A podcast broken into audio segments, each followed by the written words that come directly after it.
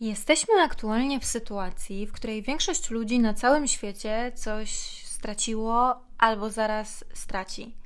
No i nie jest to teoretycznie nic zaskakującego, bo codziennie ktoś gdzieś coś tam traci.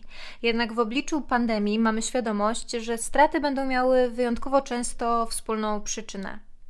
No bo tracimy aktualnie swobodę, możliwości, wybory, plany Niektórzy niestety tracą swoich bliskich, zdrowie, pracę, oszczędności czy nawet godne warunki do życia. No i powiem Wam szczerze, że to mnie w obecnej sytuacji przeraża najbardziej. Strata po prostu wisi nad większością z nas. Ona się czai za rogiem i nam wystaje z podłóżka. No i niestety niewiele możemy na to poradzić. W ogóle mnie straty przerażają. Ja jestem najgorsza w traceniu. No, samej sobie mogłabym spokojnie przyznać medal nieudacznika w traceniu. I dostać powinnam w ogóle Oscara za najgorzej przeżytą stratę. I spokojnie mogliby mnie wpisać do księgi rekordów Guinnessa w tak długim wytrzymywaniu zdecydowanie nieodpowiednich zachowań, tylko po to, by nie doświadczyć straty.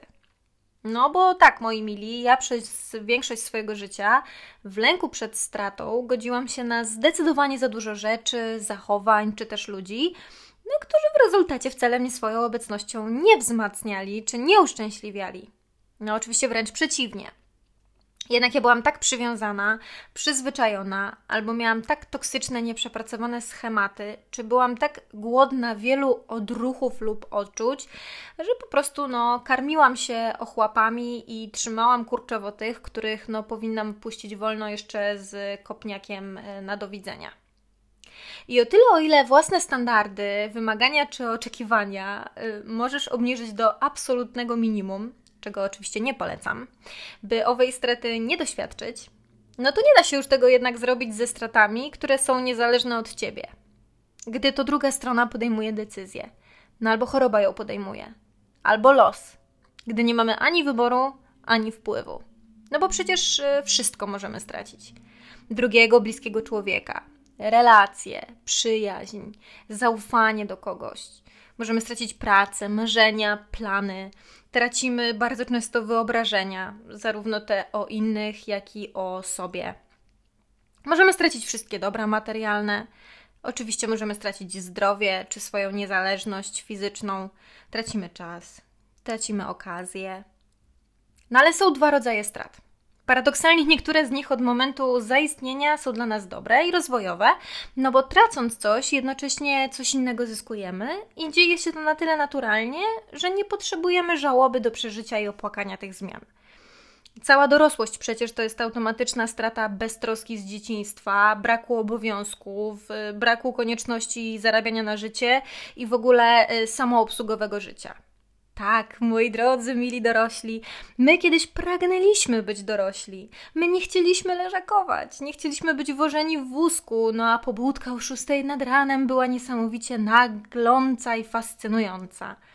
No a potem się jednak okazało, że dorosłości zatrzymać się nie da, bo to jest one-way ticket i współcześni pracodawcy w ramach benefitów powinni wprowadzić godzinne leżykowanie po lunchu zamiast na przykład, nie wiem, tam owocowych wtorków.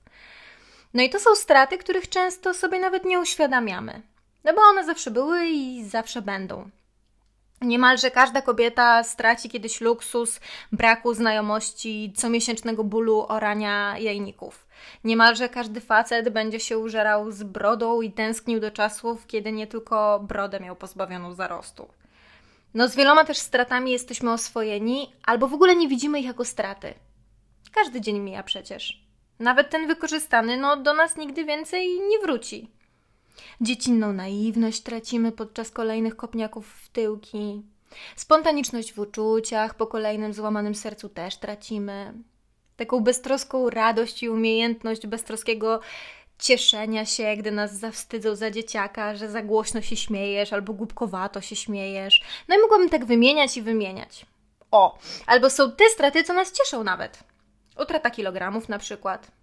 Albo jak jesteśmy, no, zawistni, czy kogoś nie lubimy, albo czujemy się niesprawiedliwie z jakiegoś powodu, czy przez kogoś potraktowani, albo czegoś komuś zazdrościmy i to on albo ona coś straci. No nikt się do tego głośno nie przyzna, ale natura ludzka jest ułomna i nas tamta strata potrafi ucieszyć albo chociaż rozbawić. Jak się byłemu znowu dziewczyną nie układa, on nas bardzo skrzywdził na przykład. No albo do kogoś w naszym mniemaniu karma wróciła. No ale dobra, zostawmy sobie te ogólniki, bo ja mogłabym tak jechać z rozkminą dalej i jechać i jechać, ale nikomu z Was by się nie chciało tego słuchać. No a przecież nie zależy mi na tym, by Waszą uwagę, uwaga, stracić. Słuchajcie, y, i tutaj zwracam się do wszystkich, którzy byliby takową aktywnością zainteresowani, czy też y, zwracam się właśnie do losu, Boga, czy ogólnie czegoś, co tam rządzi naszym życiem oprócz nas samych. Naprawdę można mi zabrać większość kasy i jakoś sobie poradzę. No kiedyś za 1500 się wynajmowało chatę, studiowało zaocznie, imprezowało i żywiło przez cały miesiąc. No, ja się postanowiłam e, całkowicie usamodzielnić e, w wieku 18 lat, więc teraz jak mi, e, no nie wiem, zmniejszą się dochody, no to dam radę, no. Nie przeżyję tego dość strasznie. Można mi odebrać pracę. No, spoko, znajdę inną. Można mnie zamknąć na kwarantannie w domu i zabrać swobodę życia, do którego jestem przyzwyczajona. Okej, okay, nauczyłam się zajebiście gotować, albo już umiałam, tylko nawet o tym nie wiedziałam. Bo generalnie ja się szybko adaptuję i jeszcze szybciej działam. Ale zabierzcie mi człowieka, zabierzcie mi relacje, spowodujcie, że odczuję czyjś brak, że poczuję stratę czyjegoś nawet głupkowatego śmiechu, stratę możliwości spontanicznego wysłania bezsensownej wiadomości, mema czy spontanicznego telefonu. Stracę poranne tulenie, czy w ogóle odczuję stratę na jakimkolwiek poziomie y, obecności tej osoby w moim życiu, no to już mi odjebie i będę cierpieć. I to długo cierpieć. No bo wiecie już o mojej przyszłości, no że ja się wychowałam w rodzinie alkoholowej, że jestem nadwrażliwcem, że kochałam za bardzo i że w pewnym momencie niczego się tak nie bałam jak odrzucenia. No, odrzucenie to jest strata. Więc łatwo można wywnioskować, no, że jak niektórzy się na przykład boją pająków, ciemności czy wysokości, tak mnie strata generalnie do pewnego momentu przerażała najbardziej. No i tak, ja aktualnie mam to w jakimś e, stopniu tam opanowane, no bo przepracowane. No ale tak jest teraz. Natomiast kiedy myślę o tym, co było kiedyś, to mam wrażenie, że mogę spokojnie w tym momencie i z tego miejsca przybić mentalną piątkę z wieloma osobami, które tak się bały stracić, że w jakiejś relacji się po prostu męczyły, bo na przykład za dużo wybaczały, albo za często rozumiały coś, co tak naprawdę nie ma żadnych norm i podstaw do rozumienia za dużo sobie wmawiały, okłamując siebie samych regularnie, że to przecież normalne, że się jakoś poukłada, że nie jest tak źle, że inni mają gorzej. Piątkę przybijam z każdym, kto patrzył po prostu oczami kota ze Szreka we wspólną przyszłość, czując jednocześnie, że to się dobrze nie skończy, bo się nie może dobrze skończyć. I przede wszystkim piątka z tymi, którzy naprawdę próbowali naprawdę z ręką na sercu się starali, naprawdę nawet się zmieniali, chociaż z drugiej strony nie było tego nawet w najmniejszym stopniu. I pomimo, że tego nie było, to wy i tak nie odchodziliście, bo baliście się stracić. Baliście się tej ostatecznej decyzji. I w rezultacie tak, to wy byliście zostawiani, więc ta strata i tak nadeszła. I trzeba było sobie z nią jakoś poradzić. Ja byłam głównie zostawiana. Przez moje pierwsze miłości, przez niektórych przyjaciół. No ojcu nie wspomnę nawet, no bo on mnie zostawił zaraz po moich narodzinach i o tym też już kiedyś tutaj tam mówiłam. Słuchajcie, zostawił mnie nawet facet, z którym miałam, już nie dodam, że datę ślubu mieliśmy, że mieliśmy całkowicie poukładane wspólne życie, my byliśmy razem koty, i ja się strasznie po tych rozstaniach y, nie potrafiłam odnaleźć. W takiej swojej pozwiązkowej żałobie do czasu byłam potwornie, wręcz epicko nieudolna. No, aż jak tak sobie teraz przypominam, to mi się trochę śmiać z siebie chce. Ale tak ciepło śmiać, tak do siebie w sumie, nie że z siebie, czy nie że wyśmiać. Bo ja, słuchajcie, popełniłam każdy możliwy rozstaniowy fuck up. I tak, ja się prosiłam o niezostawianie czy powrót, ja wręcz błagałam. Ja zaczynałam wtedy walczyć, wypisywałam, dzwoniłam, uruchamiałam śledztwa, gdzie on teraz jest, co u niego, co ja tu jeszcze mogę zrobić. I nic, dosłownie nic innego się nie liczyło wtedy, tylko to, żeby stracić stan straty, czyli żeby jak, jakimś cudem po prostu cofnąć czas do tego momentu, w którym jeszcze dzień wcześniej o 16 na przykład wszystko było po staremu. I to nie chodzi o to, że ja miałam obsesję, albo że ja to robiłam, bo wiedziałam, że popełniłam jakiś duży błąd, generalnie coś zjebałam, a związek jest super i po prostu muszę to jakoś teraz naprawić i poskładać. No nie, nie, nie, nie, nie. Ja z tych związków powinnam sama odejść 10 milionów razy, a już na pewno jako pierwsza. Ja, słuchajcie, po prostu nie potrafiłam sobie poradzić z żałobą, a raczej stawałam na jej pewnym etapie i tam e, zostawałam ale o tym zaraz. I słuchajcie, bardzo wielu rzeczy się wtedy o sobie podowiadywałam. No bo dla mnie w ogóle rozstanie zawsze się równa ucięciem kontaktu. Strata to jest wyeliminowanie się tego człowieka z mojego życia. I ja serio nie rozumiem, jak można potem niby pitu pitu po koleżeńsku i bez chęci zejścia się, bez przypadkowego seksu, bez y, wzajemnej lub nawet jednostronnej urazy i przede wszystkim powiedzcie mi, jak ja mam się odkochać, jeśli ja nadal mam kontakt z tym człowiekiem?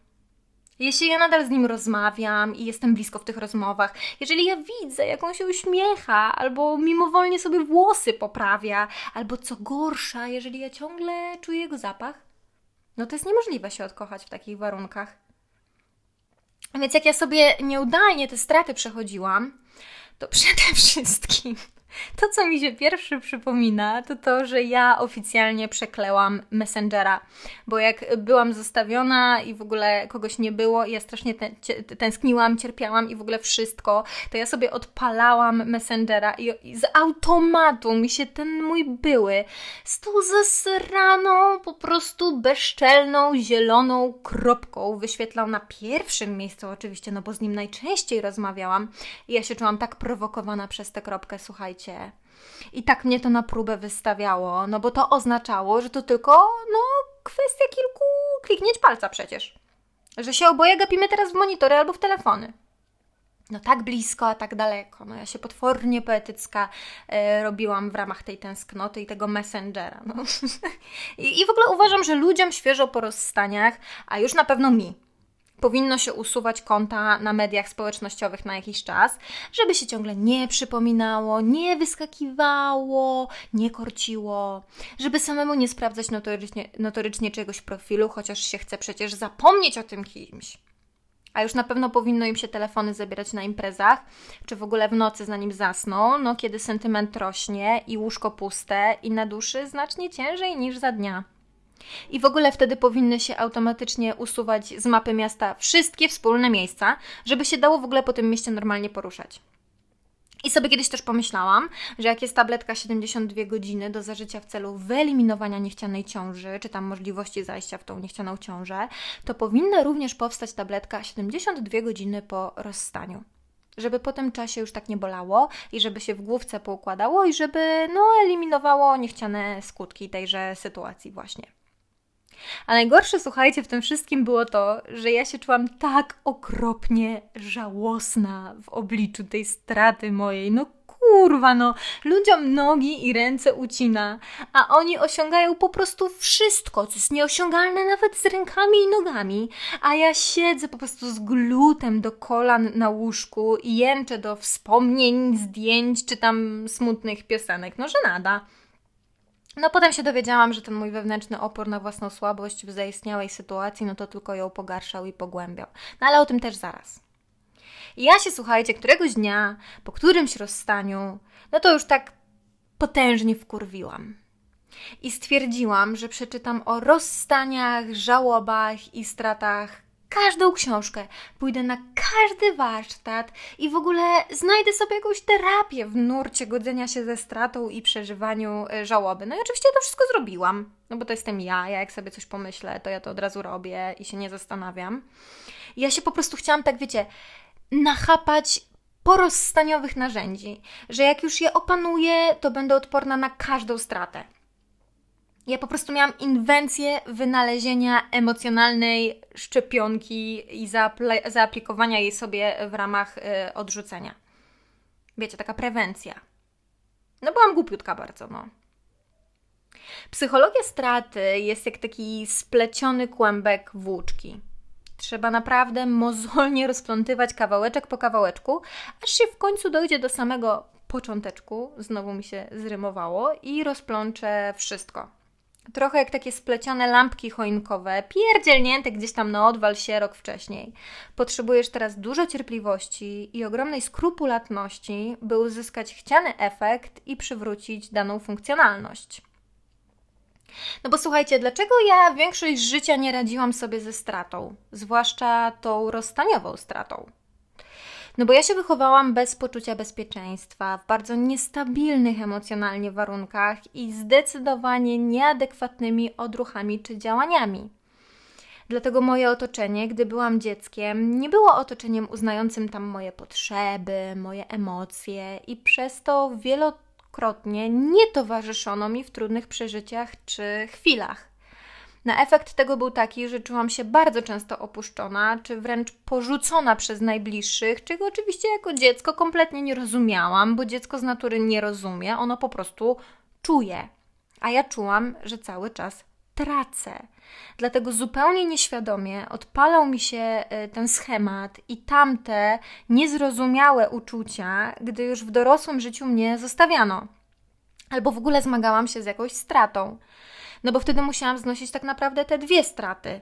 Tą z dzieciństwa, kiedy czułam się opuszczona, nieprzepracowaną, niezrozumianą, niezaopiekowaną, no i tą stratę teraźniejszą. Więc bolało podwójnie i trwało dwa razy dłużej, i nieznośna przez to bywałam dwa razy bardziej. Po prostu czkawką mi się odbijało nieświadomie, i, i taka emocjonalna zgaga mnie dopadała. I w przypadku czegoś y, ważnego, straty czegoś ważnego dla nas, Najpierw, słuchajcie, jest szok. Ja nie wierzyłam moim partnerom, że oni faktycznie odeszli. Ja sobie myślałam, że przejdzie mu tam zaraz. Że to tylko jakieś tam nieporozumienie. Że jutro rano wstajemy, co prawda każdy gdzie indziej, ale ubierzemy się i pospiesznie zmachani do siebie dobiegniemy w połowie drogi, szaleńczo żałując wszystkiego, co się wydarzyło. No nie zapomnę nigdy wyrazu twarzy mojej przyjaciółki, którą zostawił niespodziewanie zupełnie narzeczony i która spojrzała na mnie jak dziecko, ale dziecko, które dosłownie pierwszy raz przetarło sobie kolanko i oczami wielkości pięciu złotówek wybełkotała: Ja nie wierzę, że on to zrobił. No właśnie bo pierwsze odruchowe wyparcie rzeczywistości szykuje nas na resztę etapów żałoby, które przychodzą stopniowo po to, byśmy byli w stanie ją znieść w ogóle. Nasza psychika jest od nas niejednokrotnie mądrzejsza i podstępniejsza i potrafi nas ochronić. Dlatego właśnie żałobę przechodzimy etapami. Odpowiednio te etapy nam nasza głowa w czasie e, oddziela. No bo inaczej by nas grubo pojebało, gdyby to wszystko naraz spłynęło, nie? No nas zalewa już e, na, na pojedynczym etapie, na tym pierwszym etapie po prostu fala złości, rozgoryczenia i rozpaczy. No a po tym pierwszym szoku zaczynamy się targować z rzeczywistością. No ale jak się teraz nie będę odzywać, to za tydzień się stęskni i sam wróci na kolanach. No a może jeśli teraz zrobię, powiem, napiszę bla bla bla bla, wstaw dowolne, to on się zorientuje i zmieni zdanie. Y, często na tym etapie się prowokuje jakimiś postami. No albo niby przypadkowo wybranymi numerami, albo niby przypadkowo y, wybranymi, y, wysłanymi wiadomościami. No wtedy się na przykład pisze do wspólnych znajomych. Albo się próbuje zwrócić na siebie uwagę, przypomnieć u sobie, udowodnić, przekazać swój ból. Kolejny etap to jest najgorszy etap i to jest etap, którego ja nie potrafiłam w swoim życiu i w sobie okiełznać. Kolejny etap to jest pustka. To jest odrętwienie. Często ukazywane groteskowo w komediach romantycznych, kiedy to laska w piżamie i z kubłem lodów płacze do ojronio komedii romantycznej. To jest etap, w którym ludzie wpadają w wir chwilowych, często tylko łóżkowych relacji. No byleby zapełnić pustkę, bo właśnie na tym etapie zaczynamy odczuwać faktyczną stratę. Zaczynamy tęsknić, wspominać. Oczywiście nagle zaczyna nam się wydawać, że to była najlepsza relacja i osoba na świecie, i przypominamy sobie głównie te dobre rzeczy, a te złe potrafimy nagle świetnie i efektywnie wytłumaczyć. No, wpadamy w takiego doła, że już nawet łez nie ma, bo nas całe ciało boli. Nie mamy siły.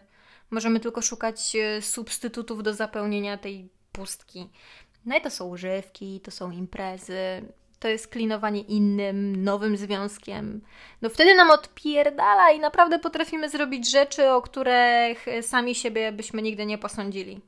I z tym etapem nigdy nie mogłam sobie poradzić i na nim się po prostu zacinałam, no, jak zdarta płyta.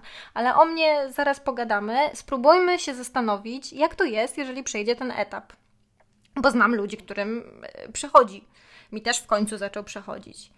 I jeżeli ten etap pustki przejdzie, to powolutku, powolutku zaczyna się pojawiać nieśmiała akceptacja.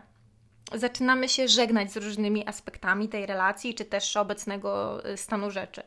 Zaczyna klarować nam się to, co zostało, co jest przed nami, na jakie to ma znaczenie, że tamto zostało stracone i jak to faktycznie się na nas odbija w taki y, sposób długoterminowy przeżycie, e, takie efektywne przeżycie, zdrowe przeżycie żałoby oznacza pogodzenie się z faktem, że jakiegoś scenariusza już no, nie zrealizujesz, choćby skały srały. Natomiast idzie też z tym świadomość, że można i tak dalej cieszyć się życiem i być szczęśliwym z tym, co zostało, lub z nadzieją widzieć szczęście w tym, co przede mną. Natomiast osiągnięcie tej akceptacji no, jest zdecydowanie jedynym uleczalnym środkiem na stratę. I to jest kurewsko trudne. Ja latami nie umiałam zaakceptować utraty ojca, przyjaźni, partnerów, i ta nieprzeżyta żałoba zawsze do mnie wracała. I to skubaniutka najczęściej w obliczu dużo mniejszej straty, i ja wtedy kompletnie samej siebie nie rozumiałam, dlaczego ja tak coś nagle przeżywam w ogóle i znowu. No albo taka nieprzeżyta strata się kamufluje w dolegliwościach ciała, w nałogach. Ja na przykład kompletnie zacięta nie potrafiłam dostrzec dobra, które nadal miałam. No bo się tak fokusowałam tylko na tej stracie, że nie dostrzegałam w ogóle ani nowych możliwości, albo tych rzeczy czy ludzi, których no nie straciłam. I non-stop rozpamiętywałam. Bywałam w, w, tym bardzo nierozumiana i podchodzono do tego z ogromną niechęcią. I, I naprawdę ja byłam potwornie rozgoryczona, pełna żalu, złości i pretensji, i mi to po prostu uparcie nie chciało przejść i nie chciało przejść do następnego etapu tej akceptacji. I oczywiście niewiele osób potrafiło to zrozumieć, więc głównie e, ja to w sobie ukrywałam wtedy. Noce były masakryczną udręką. Wtedy się w sumie e, nabawiałam kolejnych rzutów depresyjnych, miałam nieustające mdłości na przykład, no albo po prostu organizm odmawiał mi posłuszeństwa. Są też tacy, którzy wycofują się z życia, nie podejmują żadnych aktywności, unikają innych ludzi, zapominają, że no kuźwa mają obie ręce i nogi i mimo wszystko nadal są skłonni i zdolni do miłości. I w ogóle teraz pokuszę się o sformułowanie, że związek od początku wiąże się z jakiegoś rodzaju stratą. Nawet jeżeli nie mówimy o bezpośredniej stracie tego związku. Musimy czasem w relacji coś stracić, by sam związek i tę drugą osobę urealnić. No bo zaczynamy widzieć, co ona nam da, ale zaczynamy też widzieć, czego nigdy od niej prawdopodobnie nie otrzymamy. I ta strata najczęściej przychodzi z końcem miesiąca miodowego, no po tej takiej, wiecie, fazie pierdzenia motylkami. No tracimy przecież swoją całkowitą swobodę i niezależność, no bo od teraz dzielimy z kimś życie, przyjemności, odpowiedzialność, obowiązki, no i wolny czas poświęcamy coś z siebie albo ze swojego życia i tylko swojego egoistycznego życia, no żeby było dobrze we dwoje. Zaczynamy robić rzeczy, których na przykład nie lubimy. I nagle się okazuje, że zmywanie dwojakiej e, ilości naczyń niż dotychczas wcale nie jest takie straszne. No albo nie lubiliśmy na przykład rozmawiać o tym, co niewygodne i ciężkie, byliśmy zamknięci w sobie, no ale musimy się sami pozbawić tego luksusu milczenia i nierozgrzebywania, żeby się z tą drugą połówką dogadać. No albo nie lubiliśmy jakiejś aktywności i to nierobienie tego też tracimy, jeżeli na przykład chcemy komuś zrobić przyjemność. Możesz też w związku w pewnym momencie stracić jego sens, zanim w ogóle stracisz sam związek. No i tutaj już mówimy o grubszych stratach. No bo przychodzi moment, w którym należy sobie odpowiedzieć na pytanie, czy w ogóle da się tak razem żyć? Czy jestem w stanie zaakceptować wady tej drugiej strony? Czy umiem na swoich plecach unieść jej historię? No i znam też osoby, które pod wpływem relacji najciężej przechodzą stratę własnego wizerunku. Ciężej nawet od straty samej relacji. Nie chcę tracić wyobrażenia o sobie, które najczęściej okazuje się całkowicie złudne i w ogóle no, nieadekwatne do tego, jacy są faktycznie, co się uwidacznia oczywiście dopiero przez bliskość i bycie w relacji. No i takie osoby najczęściej się unoszą dumą i nie mogą albo nie chcą okiełznać własnego ego, więc dla nich wybór mniejszego zła i mniejszej straty jest jednoznaczny ze stratą po prostu relacji. No ale po co, słuchajcie, ja to wszystko mówię w ogóle? Ja bym bardzo chciała, i taka jest moja intencja, i intencja tego odcinka, byście wyciągnęli z tej mojej e, pewnie znowu około półgodzinnej paplaniny te rzeczy, które okażą się dla Was wspierające, jeśli kolejny raz zderzycie się ze stratą tak bolesną, że będziecie po nocach gryźć poduszki. No albo jeżeli ktoś w Waszym otoczeniu będzie tak coś przeżywać. Słuchajcie, ja Wam teraz nie powiem, że będzie dobrze, bo według mnie nie będzie dobrze, a na pewno nie od razu chociaż prawdopodobnie to słynne będzie dobrze usłyszycie od tych, którzy być może nieudolnie będą próbować Wam pomóc. Bo generalnie najczęściej w obliczu straty otoczenie lub my sami reagujemy w dwojaki sposób. Albo od razu przechodzimy do pocieszania i takiego, wiecie, zamiatania pod dywanik i rekompensaty, no albo się odsuwamy. I mój drogi, moja droga, jeśli sam sobie nie dasz czasu i możliwości na przeżycie żałoby, to ona nie zniknie, nie wyparuje. Ona ci się odbije czkawką wtedy, kiedy najmniej będziesz się tego spodziewać. Jeżeli nie pozwolisz sobie na słabość, na wypłakanie dosłownie każdej łzy, na obcowanie z tymi emocjami, bez takiego automatycznego pozbawiania się ich, jeśli będziesz się we własnej głowie karcić za to, że taka z ciebie pipa i że nie możesz sobie poradzić, i będziesz tę złość, to rozgoryczenie, ten ból tłamsić i dusić, i nie pozwolisz im zaistnieć w sobie, no to przykro mi, ale prawdopodobnie nie wyleczysz się z tego rozstania lub straty. I nowy klin pomoże tylko na chwilę i bardzo powierzchownie. Kolejne atrakcje czy dupy na jedną noc podobnie. Znowu mi się zrymowało substytuty w końcu się znudzą, no albo kompletnie zacznie ich brakować. I słuchaj, każdego oszukasz i naprawdę przed każdym się schowasz, no tylko nie przed samym sobą. No więc co możesz zrobić dla siebie, jeśli e, doświadczasz takiej straty, albo takiego cierpienia, albo co może zrobić dla ciebie ktoś inny? To zabrzmi bardzo banalnie, ale według mnie oczywiście, na podstawie mojej wiedzy, mojego doświadczenia e, i całej mojej, e, w ogóle całego mojego obcowania z ludźmi, według mnie należy sobie samemu, czy też komuś, po prostu swobodnie pozwolić przeżywać dany stan. Nie mówić będzie dobrze, nie mówić on nie był ciebie wart, albo popłaczesz dwa dni i ci przejdzie, albo o zgrozo, gdzieś, słuchajcie, no nie wierzę, gdzieś usłyszałam teorię, że związek powinno się jedynie opłakiwać maksymalnie połowę czasu jego trwania. No ja walę. Mój drogi, moja droga, nie w ogóle takie hasła omijaj szerokim łukiem i zamiast sobie wpajać jakiś harmonogram, to po prostu bądź przy sobie czy przy kimś. Nie hamuj od razu łez. Nie każ sobie komuś być silnym na siłę i pozwól na ten krzyk. Nie neguj i nie sabotuj własnych odruchów. Nie wstydź się ich. Towarzysz sobie i swoim emocjom albo komuś, kogo chcesz wesprzeć. Bez patetycznych tekstów, bez odruchowego działania, często na siłę, często na zasadzie hmm, płaczesz, bo odszedł twój kot, więc yy, chodź kupimy albo przygarniemy teraz innego małego kociaka. No słuchaj, no właśnie straciłeś w jakimś yy, sensie swój czas, swój wysiłek, swoje zaangażowanie, swoje niezrealizowane plany, więc wylizanie się z tego będzie wymagać czasu. No a czas i tak upłynie. No i on musi upłynąć. No i być może to będzie wymagało niestandardowych słów i rozwiązań, ale na pewno to się zadzieje w Twoim tempie. Niezależnie od tego, czy to będzie akceptowalne przez Twoje otoczenie, czy nie, czy tak wypada, czy to się godzi, czy się nie godzi. Bo im więcej cierpliwości sobie czy komuś okażesz, tym szybciej ta osoba lub ty sam się pozbierasz. No przecież gdy jesteś mały i na przykład boisz się spać sam, no to idziesz do łóżka rodziców czy opiekunów. No i oni nie powodują, że ten lęk znika na zawsze i na każdą następną noc. Oni po prostu ten lęk e, koją swoją obecnością. I taki spróbuj chociaż być dla samego siebie, albo bądź kimś takim dla kogoś, kto cierpi, wbrew wszystkiemu i wbrew temu, jaki się teraz sam sobie wydajesz nieudolny, wadliwy i beznadziejny, to ty sam wiesz, jeśli się w siebie wsłuchasz, co będzie dla ciebie najlepsze w danej sytuacji, co cię uspokoi i co cię ukoi.